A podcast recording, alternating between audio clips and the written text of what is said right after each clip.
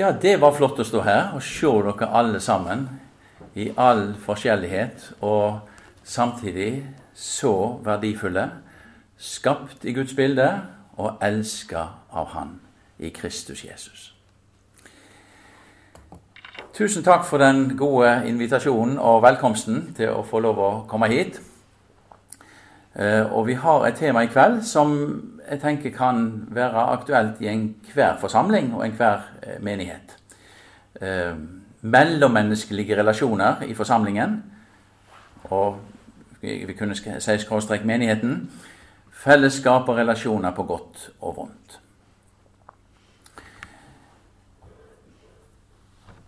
Før vi går mer inn på det, så har jeg trang til at vi kan be sammen.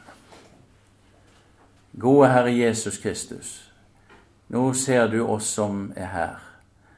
Og så takker vi deg for at du, Herre, har kjøpt oss tilbake, gode Jesus, til Gud. Og at vi skal få eie samfunn med deg, og dermed òg med hverandre. Og så ber vi, Herre, at du kan vise oss hvordan vi skal få lov å være overfor hverandre på en slik måte at du får leve livet ditt gjennom oss og i møte med hverandre og at vi kan få lov å oppdage hva det vil si å ha gode forhold, gode relasjoner, på det mellommenneskelige plan i forsamlingen. Så vet du om oss, og vet hva vi måtte slite med å bære av byrder. Nå takker vi deg, Herre, for at du er den store byrdebæreren, og ber oss deg om at du vil feste vårt blikk på deg, Herre, denne kvelden. Det ber vi om i ditt navn. Amen.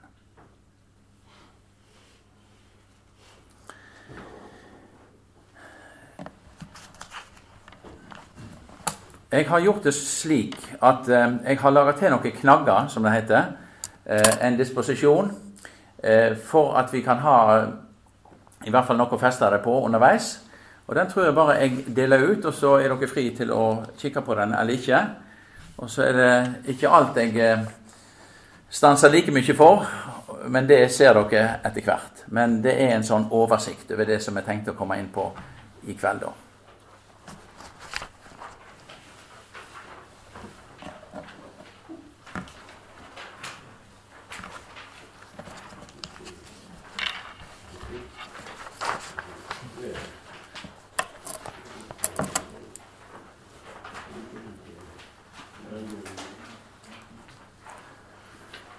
Alle har fått. Er, jeg har enda flere, men det er visstnok. Ja. Og Der ser dere det her i overskriften. Eh, mellommenneskelige relasjoner i forsamlingen. Vi kunne òg, som sagt, bruke menigheten. Det gjelder Guds forsamling, egentlig. Og Jeg har samla det da i noen hovedpunkt. Stanser først litt at vi er skapt i Guds bilde, satt fri i Kristus, nettopp til å leve i fellesskap og relasjoner. Og så kan vi komme litt inn på at i en forsamling, i en menighet, så har vi ulike relasjoner til hverandre. Og videre så kan nok en del av oss til tider oppleve negative relasjoner i fellesskapet. Og så er spørsmålet hvordan forholder vi oss da til det. Og hvis vi snur arket, så vil vi oppdage at vi stanser ikke med de negative relasjonene, men vi, vi har fokus videre på gode relasjoner. Hva relasjoner er det? Hva er de preget av? Og så, se om vi òg kunne rekke å komme litt inn på kommunikasjon oss imellom, som kan være med å styrke det gode forholdet til hverandre. Bygge fellesskapet. Og I den sammenhengen så er det, snakker vi litt om den gode sirkelen som kommer helt på tampen. Å se den andre med mine øyne og med Guds hjerte. Vi skal stanse litt i starten for dette med 'skapt i Guds bilde' og 'satt fri i Kristus'. Og Da har jeg rett og slett lyst å synge en sang som jeg har nok sunget flere ganger her i Delk. Det er alltid flott å få lov å komme hit. Og, men jeg, som jeg er veldig glad i, og som jeg syns fanger dette inn på en sånn god måte og gleden over det å være et menneske skapt i Guds bilde og frikjøpt i Kristus Jesus. Det er Trygve Bjerkreim sin sang.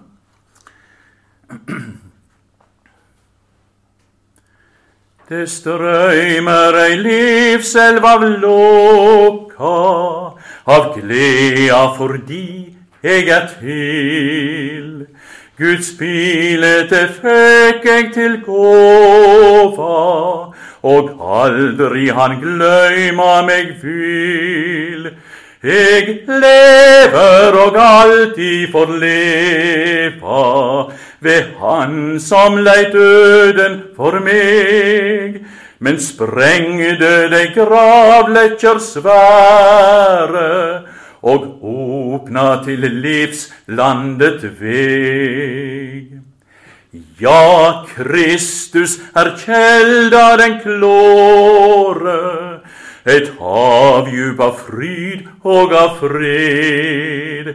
Vel blenkjer det stundom ei tåre, men livsvon i atter med gled.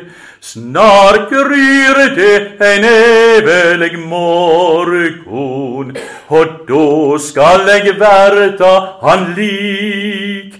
Det strøymer ei livselv av lukka, min Gud, eg er endeløst rik.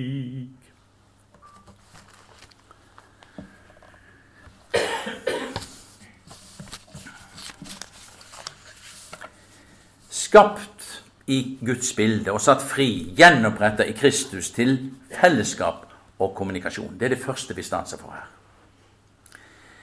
Skapt Gud skapte mennesket i sitt bilde. I Guds bilde skapte han det. Til mann og kvinne skapte han dem. Første Mosebok 1, 27. Jeg er skapt, Du er skapt i Guds bilde til å leve i relasjoner i forhold til andre og i forhold til Gud, og kommunisere i disse. Et jeg-du-forhold.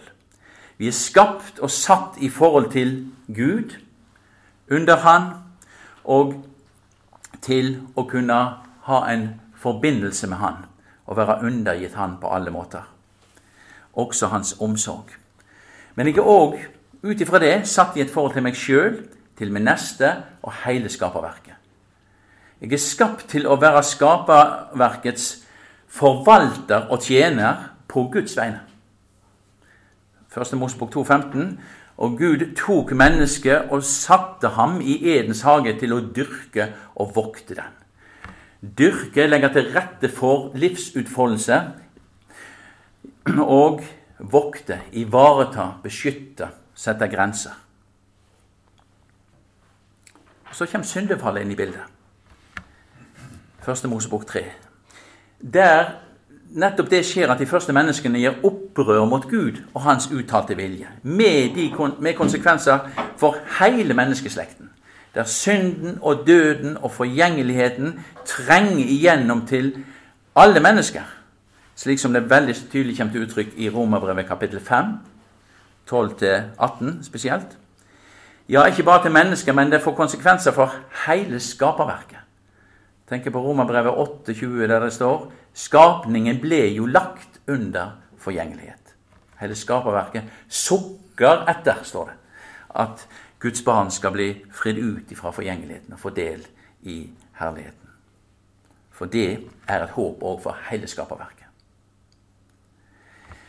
Det skjer da et relasjonsbrudd kan vi si, i forhold til Gud, som en følge av dette opprøret. Og det får konsekvenser for alle relasjoner med relasjonsskade. Negative konsekvenser for mellommenneskelige relasjoner med negativ kommunikasjon til hverandre og til oss sjøl. Der vi er vel kjent med misforståelser, med misunnelse, med negative fortolkninger, med nedvurdering, med krenkelser, med baktalelser og dobbeltheten som følger med den. Vi har mista faktisk selve evnen til å kunne gjenopprette dette. Likevel og samtidig er vi fortsatt egentlig like verdifulle. Vi har ikke tapt noe av vår gudgitte verdi. Gud ikke bare tåler et sant menneske født til syndefallet, men han elsker det. Og Det er jo det som kommer til uttrykk i, i den lille Bibelen, Johannes 3, 16. For så, slik, på denne måten har Gud elsket verden, at han gav sin sønn den enebårne. For at hver den som tror på ham, ikke skal fortapes, men har evig liv. Verden. Det er både menneskene og egentlig hele skaperverket. Så ligger det. Syndefallet med alle sine konsekvenser har aldri vært noe hinder for at Gud kunne elske oss med sin hellige kjærlighet. Nettopp det viser oss vår egentlige verdi, som ikke vi har ut ifra oss sjøl, men som er gitt og tildelt oss av Gud.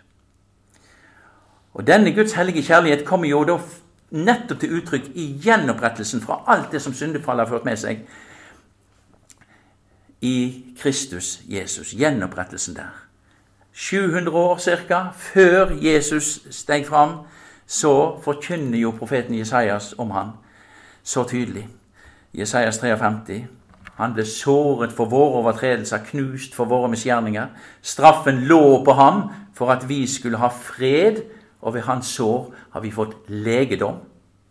Fred, forsoning og gjenopprettelse, fred med Gud, og legedom ved hans sår. Legedom det er et ganske omfattende uttrykk som innebærer helhet, gjenopprettelse, her da ved en stedfortreder, Herrens lidende tjener. Hans liv, død oppstandelse. Og Så kommer evangeliene og forteller nettopp da om Jesu liv, hvordan Jesus møtte mennesker. Og ikke, var ikke kommet for å la seg tjene, men for sjøl å tjene og gi sitt liv til en løsepenge for de mange. Og vi ser lydigheten, hvordan han oppfyller Guds gode vilje i vårt sted. Som om han, vi sjøl skulle ha gjort det. Han gjør det på våre vegne. Hans død og oppstandelse i vårt sted, en stedfortreder. Se der Guds lam som bærer, tar bort verdens synd. Og på pinsedagen, som vi hører om i, andre, i apostelgjerningene 2, på pinsefestens dag, så kommer da Den hellige ånd på en slik måte at gjenopprettelsen i Jesus Kristus blir tilgjengelig for alle mennesker gjennom evangeliet.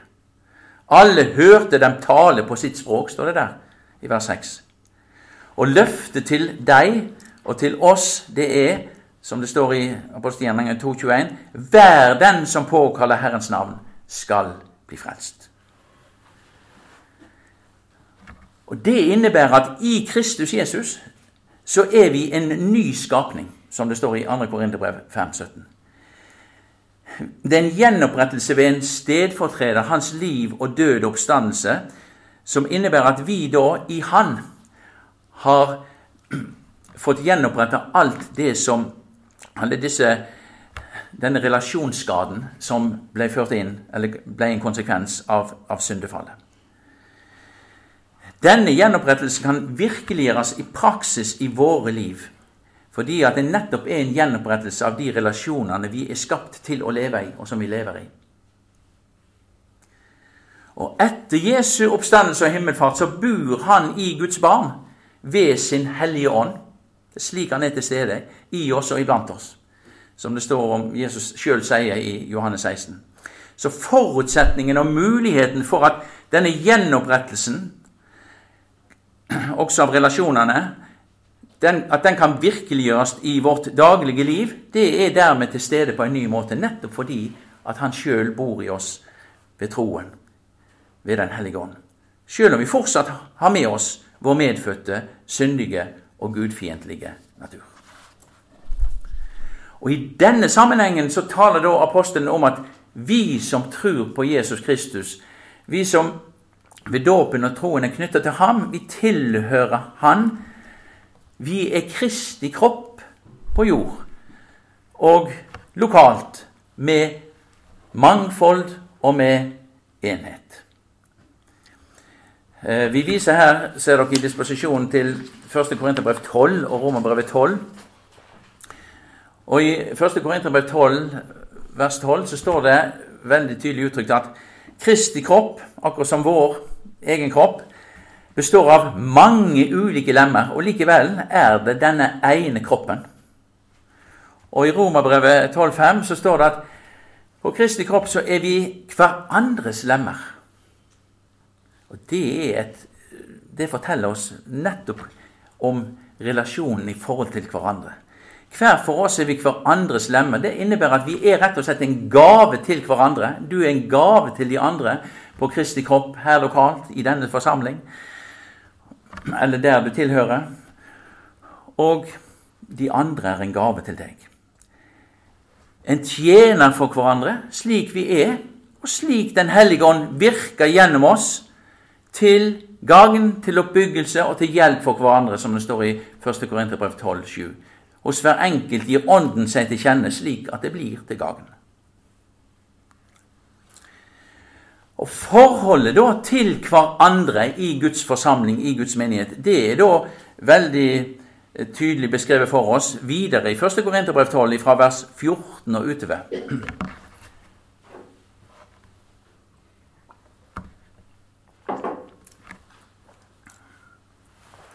Og Der er det uttrykt i disse versene fra vers 14 til vers 27 at det er på samme tid både en enhet og et mangfold i dette fellesskapet.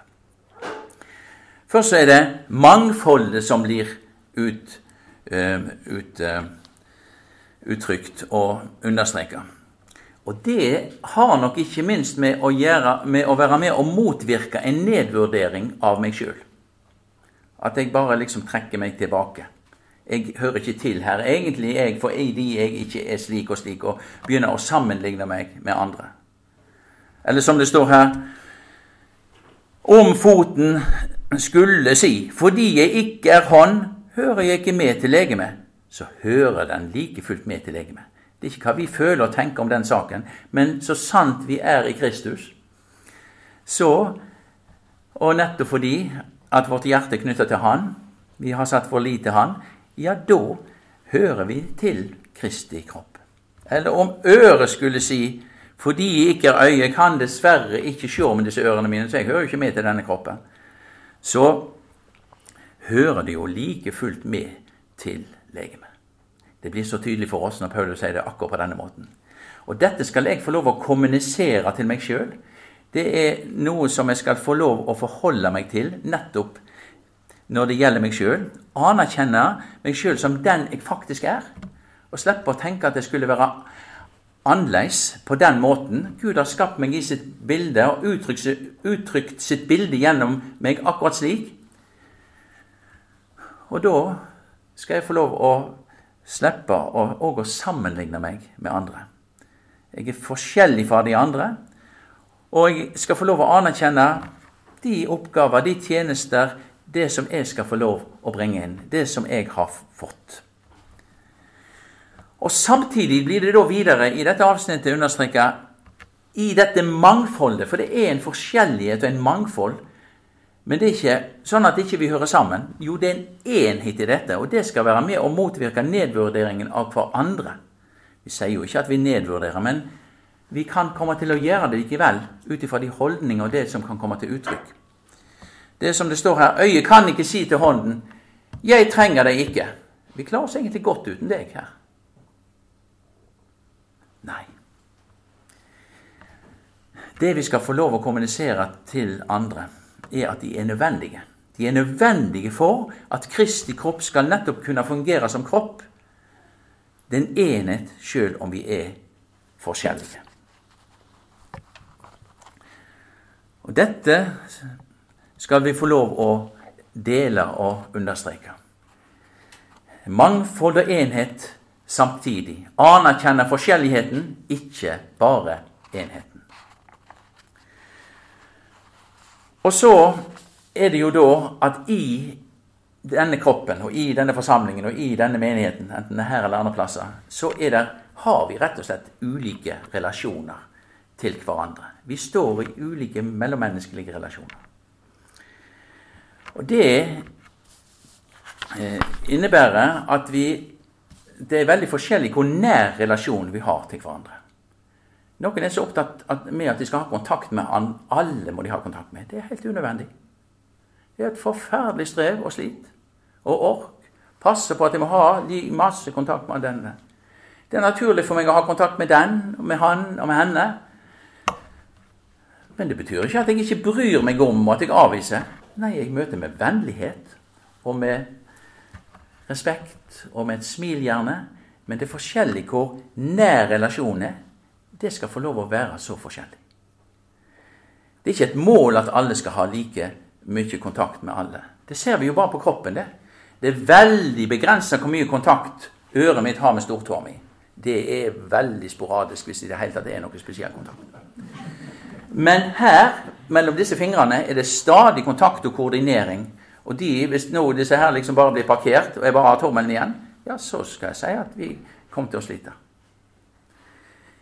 Det ligger på en måte opp i dagen. Men vi, vi, gjør dette ofte sånn til noe som vi da tror er så åndelig, men det er jo ikke det. Vi skal få lov å hvile i den forskjelligheten, og få lov å, at det kan være ulikt hvor mye kontakt vi har med hverandre. Og mellomrommet mellom oss, det er altså forutsetningen nettopp for i det hele tatt å ha en relasjon. Og så skal vi midt i dette alle sammen ha et ansvar for å være og se hverandre og kunne Her kommer nye til, og at ikke de bare kommer og ingen ser dem. Det er like viktig for det.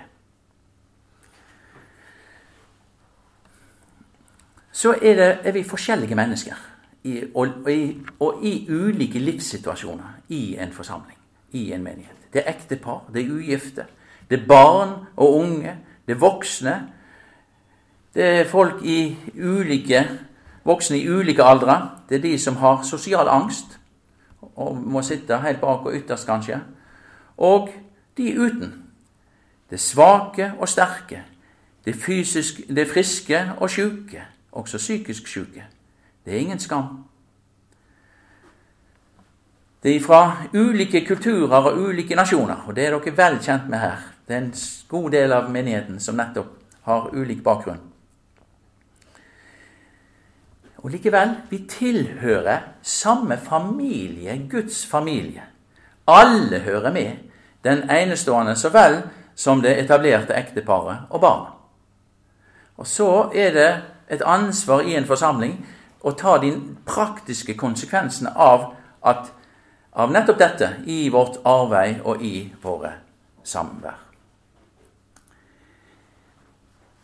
Men om det er da ulike relasjoner så skal vi likevel få ha samme omsorg for hverandre.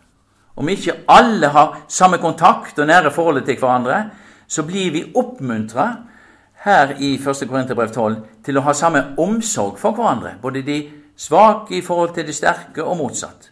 Å være åpen for hverandre, ikke bygge murer, men sjøl bestemme avstand og grenser som er greie og naturlige for oss Tenk på det som står der i, fra kapittel 12 og, og utover, eh, fra vers 22 utover, der det står om de lemmer på legemet, altså på kroppen, som synes å være de svakeste, de er nødvendige. Nettopp ved å være svake, være begrensa, ikke makta, ikke være i stand til, så tjener de hele kroppen de utøver en tjeneste ved å være de de er, og bidra med det som de bidrar med, på den måten at de kanskje rett og slett deres bidrag er å få lov å ta imot hjelp og omsorg for andre, slik at den omsorgen kan bli satt i sving. Det er nødvendig for at legemet skal fungere og fellesskapet bygges, at, at de som synes i våre øyne å være de svakeste, at de er med. De er nødvendige for at omsorgen skal komme i fokus og faktisk komme til uttrykk uansett hvem det gjelder. Og så sier apostelen at, at Gud han gav det ringeste størst ære, står det der. Og hva var hensikten med det? Jo, det skulle være med å hindre splittelse. Da er det ingen som trenger å være størst når han gir det ringeste størst ære. Å være best. Da er ikke det noe mål i seg sjøl. Og det var for at lemmene skulle ha samme omsorg, omsorg av samme kvalitet for hverandre, ikke gjøre forskjell. Og det innebærer da, så kommer det der i vers 26, eh, om ett lem lider, da lider alle lemmene med. Det angår hele kroppen. Om ett lem hedres, da gleder alle lemmene seg med. Det var dette som vi, vi sang om òg i, i, i, sangen vår. Og Da er det dette vi òg skal få lov å kommunisere til hverandre i all vår forskjellighet og samtidig e-, enhet. Dette med anerkjennelse av hverandre, bekreftelse, likeverd i all ulikhet. Og så innebærer det da i praksis, som her står, og som vi blir oppmuntra til av apostelen i Romerbrevet 5, 15-7. Ta imot hverandre, eller ta dere av hverandre. Like som Kristus tok seg av dere til Guds ære. Eller like som Kristus tok seg av oss til Guds ære. Det ordet i Romerbrevet 15,7 det er oversatt på to forskjellige måter. Og begge deler eh, er riktig. Altså, det, det, det er, eh, begge deler klinger med, kan vi si. Ta dere derfor av hverandre, like som også Kristus tok seg av oss til Guds ære. Eller ta derfor imot hverandre, slik Kristus har tatt imot oss til Guds ære. Ta imot hverandre, det betyr ikke avvise, ikke unngå eller bare trekke meg bort ifra. Kanskje noen er i sorg, og så er det så lett å bare unngå og omgå. Men det betyr faktisk mye for den det gjelder, å bli sett og bli kontakta selv om ikke du vet hva du skal si. Det betyr ikke noe. Men være til stede. Se og anerkjenne hverandre, respektere. Og ta dere av, det er å ta imot hverandre ved å gå inn i de andres situasjon og gi den omsorgen de trenger, uten å overta de andres ansvar for eget liv, deres byrder og bekymringer. Det er det som står i Galaterbrevet 6,2 å bære hverandres byrder, men ikke overta byrdene for hverandre. Det er ikke det som står, men det er å bære sammen med, og slik gjøre byrdene lettere for hverandre. Ikke ovenifra og ned. 'Nå skal jeg ta meg av deg', ja. Nei. Men gå inn sammen med, som likeverdig i all ulikhet. Det er velsigna å oppleve. Det må dere ha opplevd her. Å bli tatt imot av hverandre. Det er rett og slett å bære hverandres svakheter. Og så er vi svake og sterke til ulike, i ulike tider. Å bære de, og ikke forsterke de andres svakheter når en møter eller tar imot slik at det blir som en negativ skampåføring. For det å bære på en svakhet, på en begrensning som en gjerne ikke hadde før, på kraftløshet, på ikke å makte, det er en ganske tøff og tung byrde å bære det. Og så kan jeg være med og lette byrden med å stille meg sammen med, ikke ovenfra og ned, ikke operere som, opptre som jeg er den sterke som nå skal ta meg av den svake, men lette byrden ved å avskamifisere svakheten. Det er ikke noe skam, det. Å skape trygghet for den andre til å være den en er, og til å ta imot hjelp. Gi den andre verdi på den måten. Og den som da tar imot min hjelp, eller din hjelp, tjener, som vi sa, tar seg av meg ved nettopp å gjøre det slik at jeg kan få bli av med det som jeg har, og som kan være til hjelp for han eller henne. Jeg blir ikke avvist med min hjelp. Og slik skal vi få lov til å ta imot hverandre, ta oss av hverandre. Å gi hverandre hvile Jeg syns det er så godt, altså. Det er jo det Jesus inviterer oss til. Kom til meg, alle dere som strever av tungt å bære, og jeg skal gi dere hvile en pause, et pusterom, like som Kristus tok imot oss til Guds ære.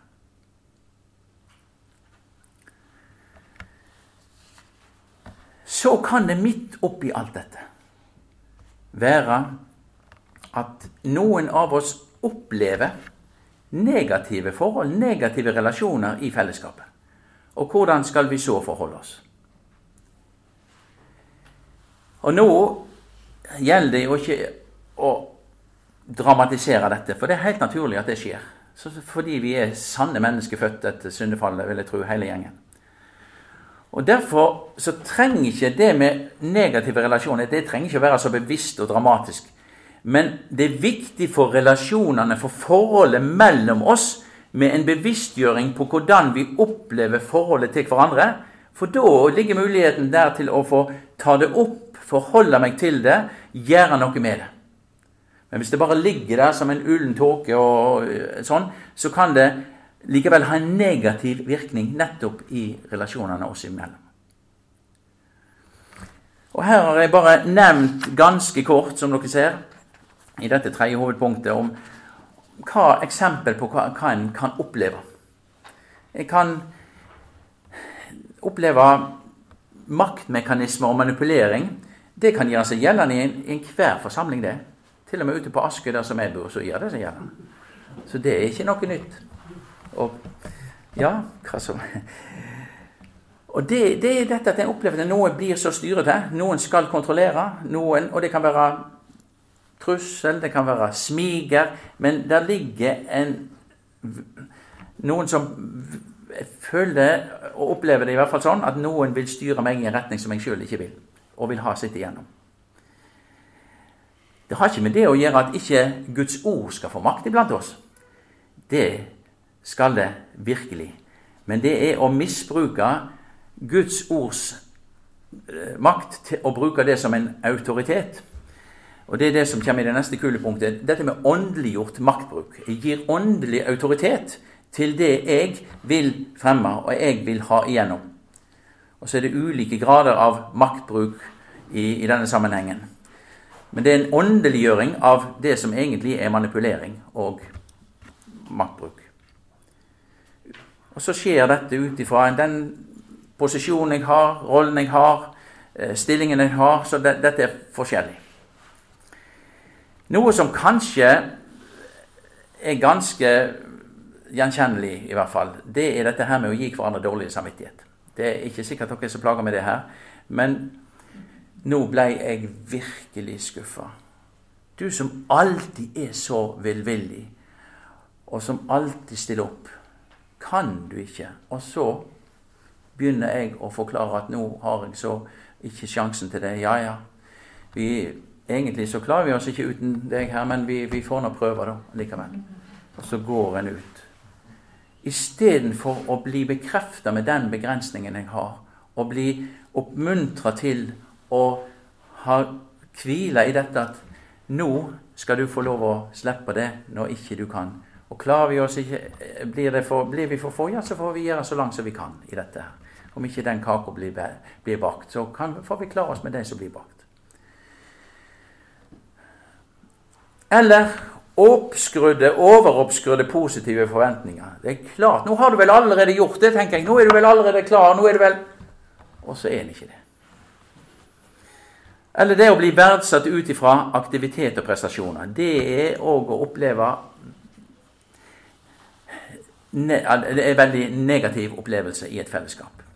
At ikke det er jeg som blir sett, ikke jeg som blir bekrefta som person, som menneske, som bror, som søster men det er ut ifra hele tiden hva jeg får gjort, og ut ifra hvor aktiv jeg er. Og det er jo av og til det vi òg løfter fram. Eller å oppleve å bli oversett, ikke tatt imot, ikke anerkjent og respektert som den jeg er. Igjen, det er ikke alle skal ha kontakt med alle, men det å bli oversett, det å bli bagatellisert, det er, er det motsatte av det vi leste om i Romerbrevet 15,7, om å ta imot hverandre. Å bli bagatellisert og oppleve å bli fratatt verdi. Det betyr ikke noe hva jeg mener, hva jeg tenker. Eh, mitt bidrag eh, eh, Jeg blir ikke hørt på likevel. Hvordan skal vi forholde oss til slike ting? Og Vi kunne nevne flere ting, men, men dette er bare noe som kanskje er gjenkjennbart.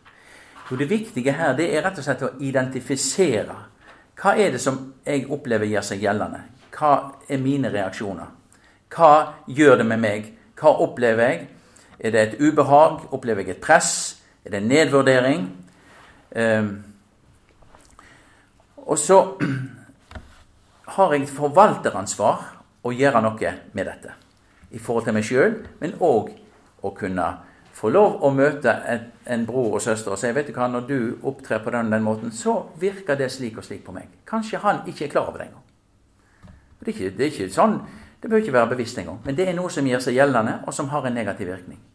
Men nettopp når jeg identifiserer det, så er det muligheten å, å ta tak i det, egentlig. For hva er det egentlig som skal styre samvittigheten vår? Jo, det er jo i vid forstand Guds ord. Den skal justeres, dette. Og i det innebærer også det forvalteransvaret jeg har, ut ifra Guds ord har, til egenivaretaking og grensesetting. Og når grensene mine blir pressa, så er ikke det godt. Og da er det viktig å nettopp gjøre noe med det. Og da er vi over i dette med gode relasjoner. Det er relasjoner som da er prega av nettopp gjensidig omsorg. Eh, tydelighet, altså ærlighet, oppriktighet, sannhet og sunne grenser.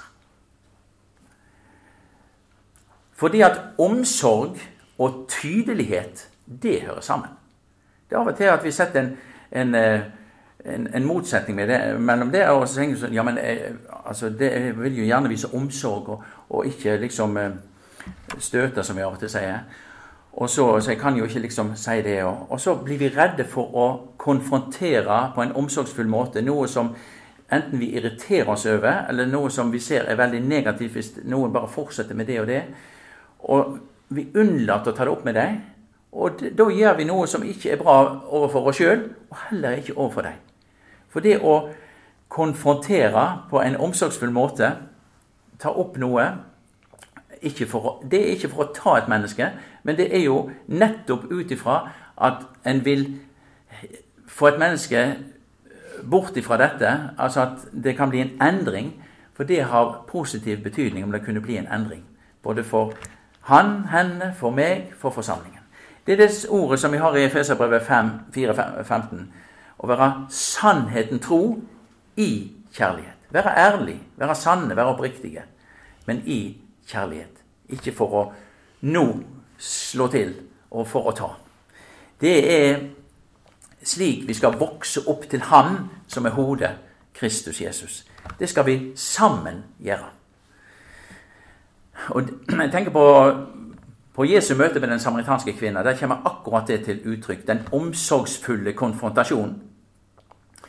Eh, der han løfta fram gaven, det levende vannet. Kjente du Guds gave, visste du hvem som ber deg om å drikke, så hadde du bedt ham, og han ville gi deg levende vann. Og hun blir nysgjerrig på hva dette vannet er. Det kan ikke være brønnvannet, det må være det vannet som kommer fra Gud, for det betyr det ordet levende vann, både kildevann og det vannet som kommer ovenfra fra Gud, det evige liv. Men er det mulig? Har du det evige livet? og gir du vel ikke større enn Jakob, vår far? Nei. Jo, er du det? Hvor har du det vannet ifra? Og så sier jo Jesus da til henne at den som drikker av dette vannet, blir tørst igjen, eh, brønnvannet. Men den som drikker av det vann jeg vil gi ham, skal aldri i evighet tørste. Og det vann jeg vil gi ham, blir ham en kilde med vann som veller fram til evig liv. Dette står jo da i Johannes 4. Og så kommer bønna hos denne kvinnen. Herre, gi meg dette vannet, så jeg slipper å gå hit og, og dra opp vann. Kom på ei tid der hun var sikker på å ikke treffe noen. Hun bar på en skam. Hun bar på et liv. Hun ville ikke møte blikkene avvisningen, baktalelsen. Så er det at Jesus sier gå og hent din mann. Det var egentlig ikke tilbørlig at de to fortsetter å prate nå. Det var helt naturlig at mannen ble tilkalt og var med videre. Og så sier hun, kanskje hun slår ned blikket Jeg Jeg har ingen mann. Hva sier Jesus da? har ingen mann. Står du her og lyver meg rett opp i ansiktet? Han sier ikke det. Med rette, sa du, sier han. Jeg har ingen mann. Og så hjelper han henne med de ordene som var forferdelig vanskelig for henne å si. Så fortsetter han. For du har hatt fem menn, og den mannen du nå har, er ikke din mann. Der talte du sant. Det er en konfrontasjon uten skampåføring. Og han gjør det nettopp for at hun skal få del i det levende vannet. For det var jo et vann mot all synd og urenhet.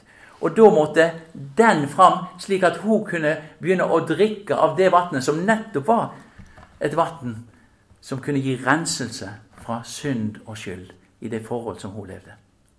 Og Det er jo det hun gir erfaring med, og etter hvert som hun da blir stående der ansikt, han, ansikt med han, og hun spør etter Messias, og han sier 'Det er jeg'.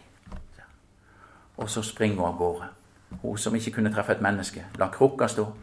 Kom og se. En mann som har sagt meg alt jeg har gjort. Det er ikke skam lenger. Det ble selve redningen hennes.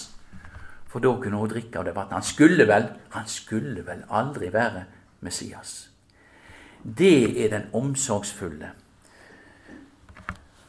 konfrontasjonen.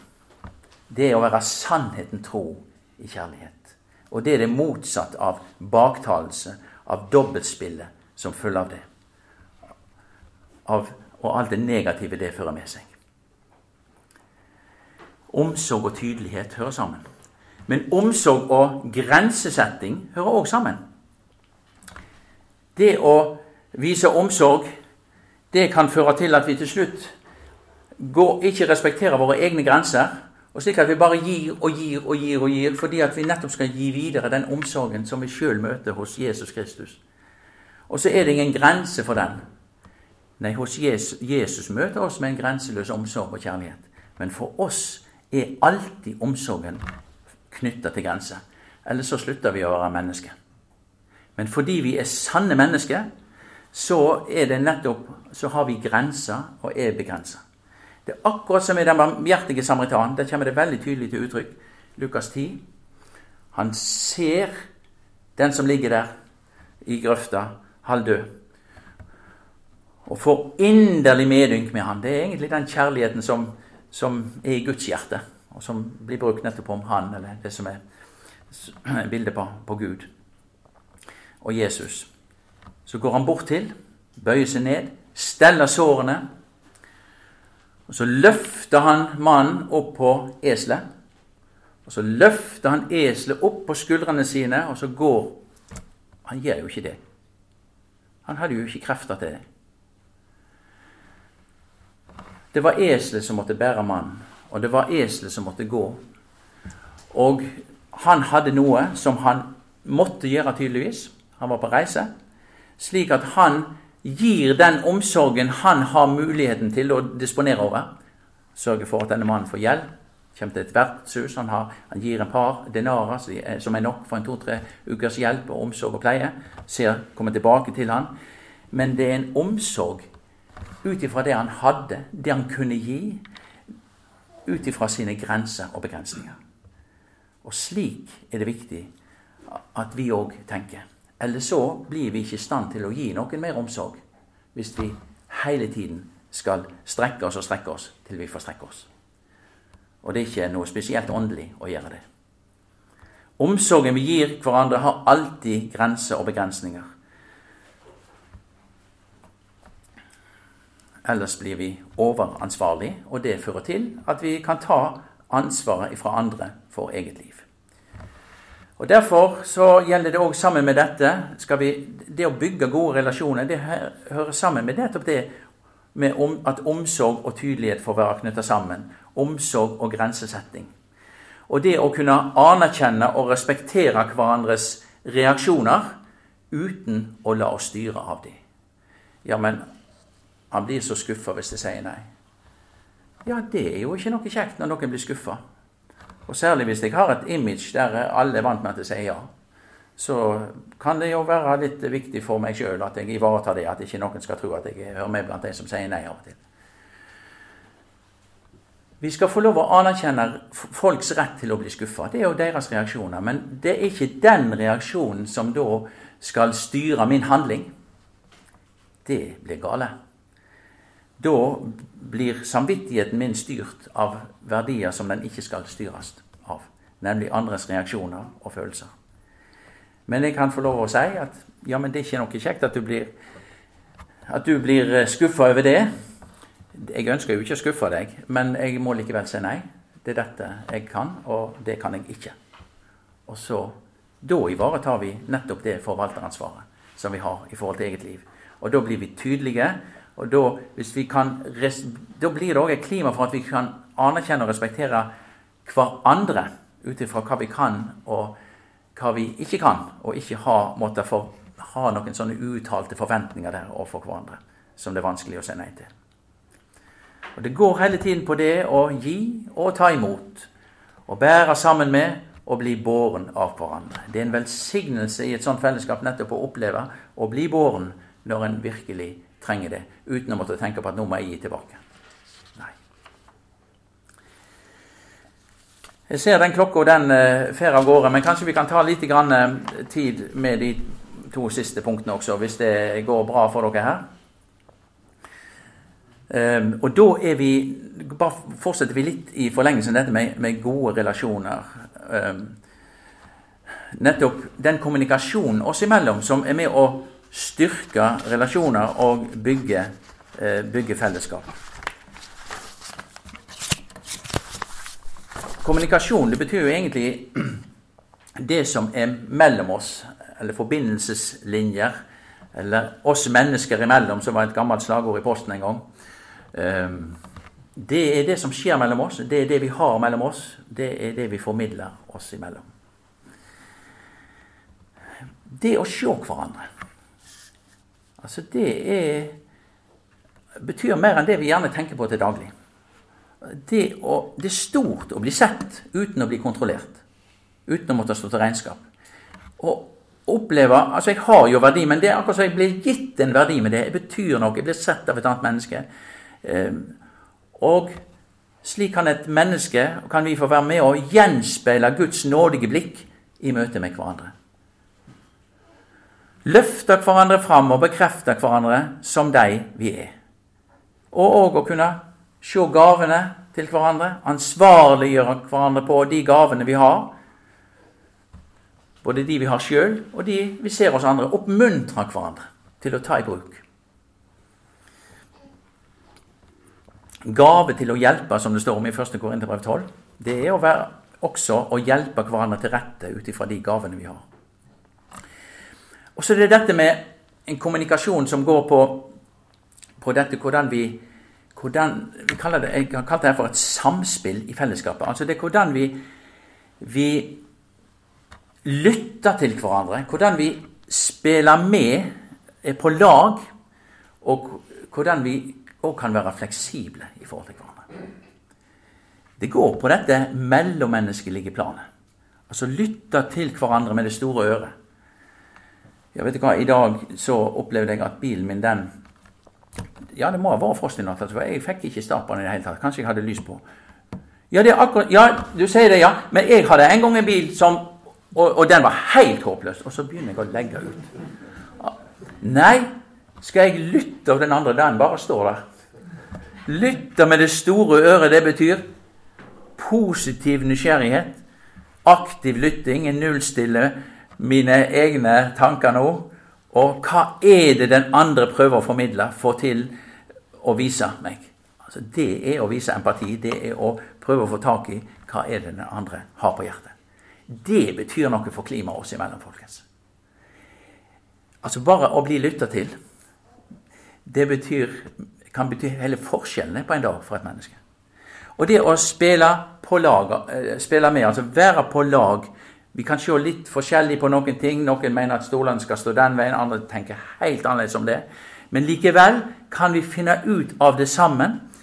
Og så midt i dette, dette med å kappes om å hedre hverandre, løfte hverandre fram på en god måte. Holde forbindelsen, den gode flyten, i forhold til hverandre. Å være fleksibel. Prøve å komme den andre i møte. Prøve å tåle den andre sin innflytelse uten med en gang å måtte liksom se litt grann hvordan det kan gå. Det har egentlig med en utfoldelse av Guds kjærlighet å gjøre i våre hjerter, som får praktiske konsekvenser på hvilken måte vi forholder oss til hverandre på. Og det er med å fremme nettopp denne gode, de gode relasjonene. Lytte, spille med, være fleksibel. Og så i den sammenhengen den gode maktbruken. Altså det at vi har makt og mulighet til å kunne si noen gode ord, komme med hjelpende hånd, oppmuntre og bekrefte et menneske. Ikke ha makt over, men gi makt til. Altså gjøre det mulig for noen å ta i bruk det de har, eller få oppleve at ja, det, det, det var godt å bli lytta til. Det var godt å bli møtt på den måten. Det hadde jeg anledning til. Jeg hadde det travelt, ja. Jeg hadde bare fem minutter. Men fem minutter, hva kan en ikke i et møte med et menneske få gjort og bruke makten jeg har, istedenfor bare til å gå forbi? Og det, det har med dette her òg å, å legge til rette for et støtteklima. Altså dette å være ute etter å se og finne andre sin styrke. Og støtte, gi andre mot til å være seg. Gjøre hverandre god, som det heter. Og I denne sammenhengen, vi var nett inne på det, men jeg tar, det med også her, som dere, dette med positiv nysgjerrighet og aktiv lytting, det har veldig stor betydning. Å anerkjenne den andres rett til å tenke, mene og føle det han eller hun føler og tenker og mener, uten at jeg trenger med en gang være opptatt med å korrigere det fordi at jeg tenker annerledes. Jeg trenger ikke alltid være enig eller oppleve det på samme måten. Det er å anerkjenne den forskjellen. Vi har noe vi er sammen om. Vi har et felles ståsted. Bibel og bekjennelse. Ja, dette. Men nå beveger vi oss på dette mellommenneskelige planet.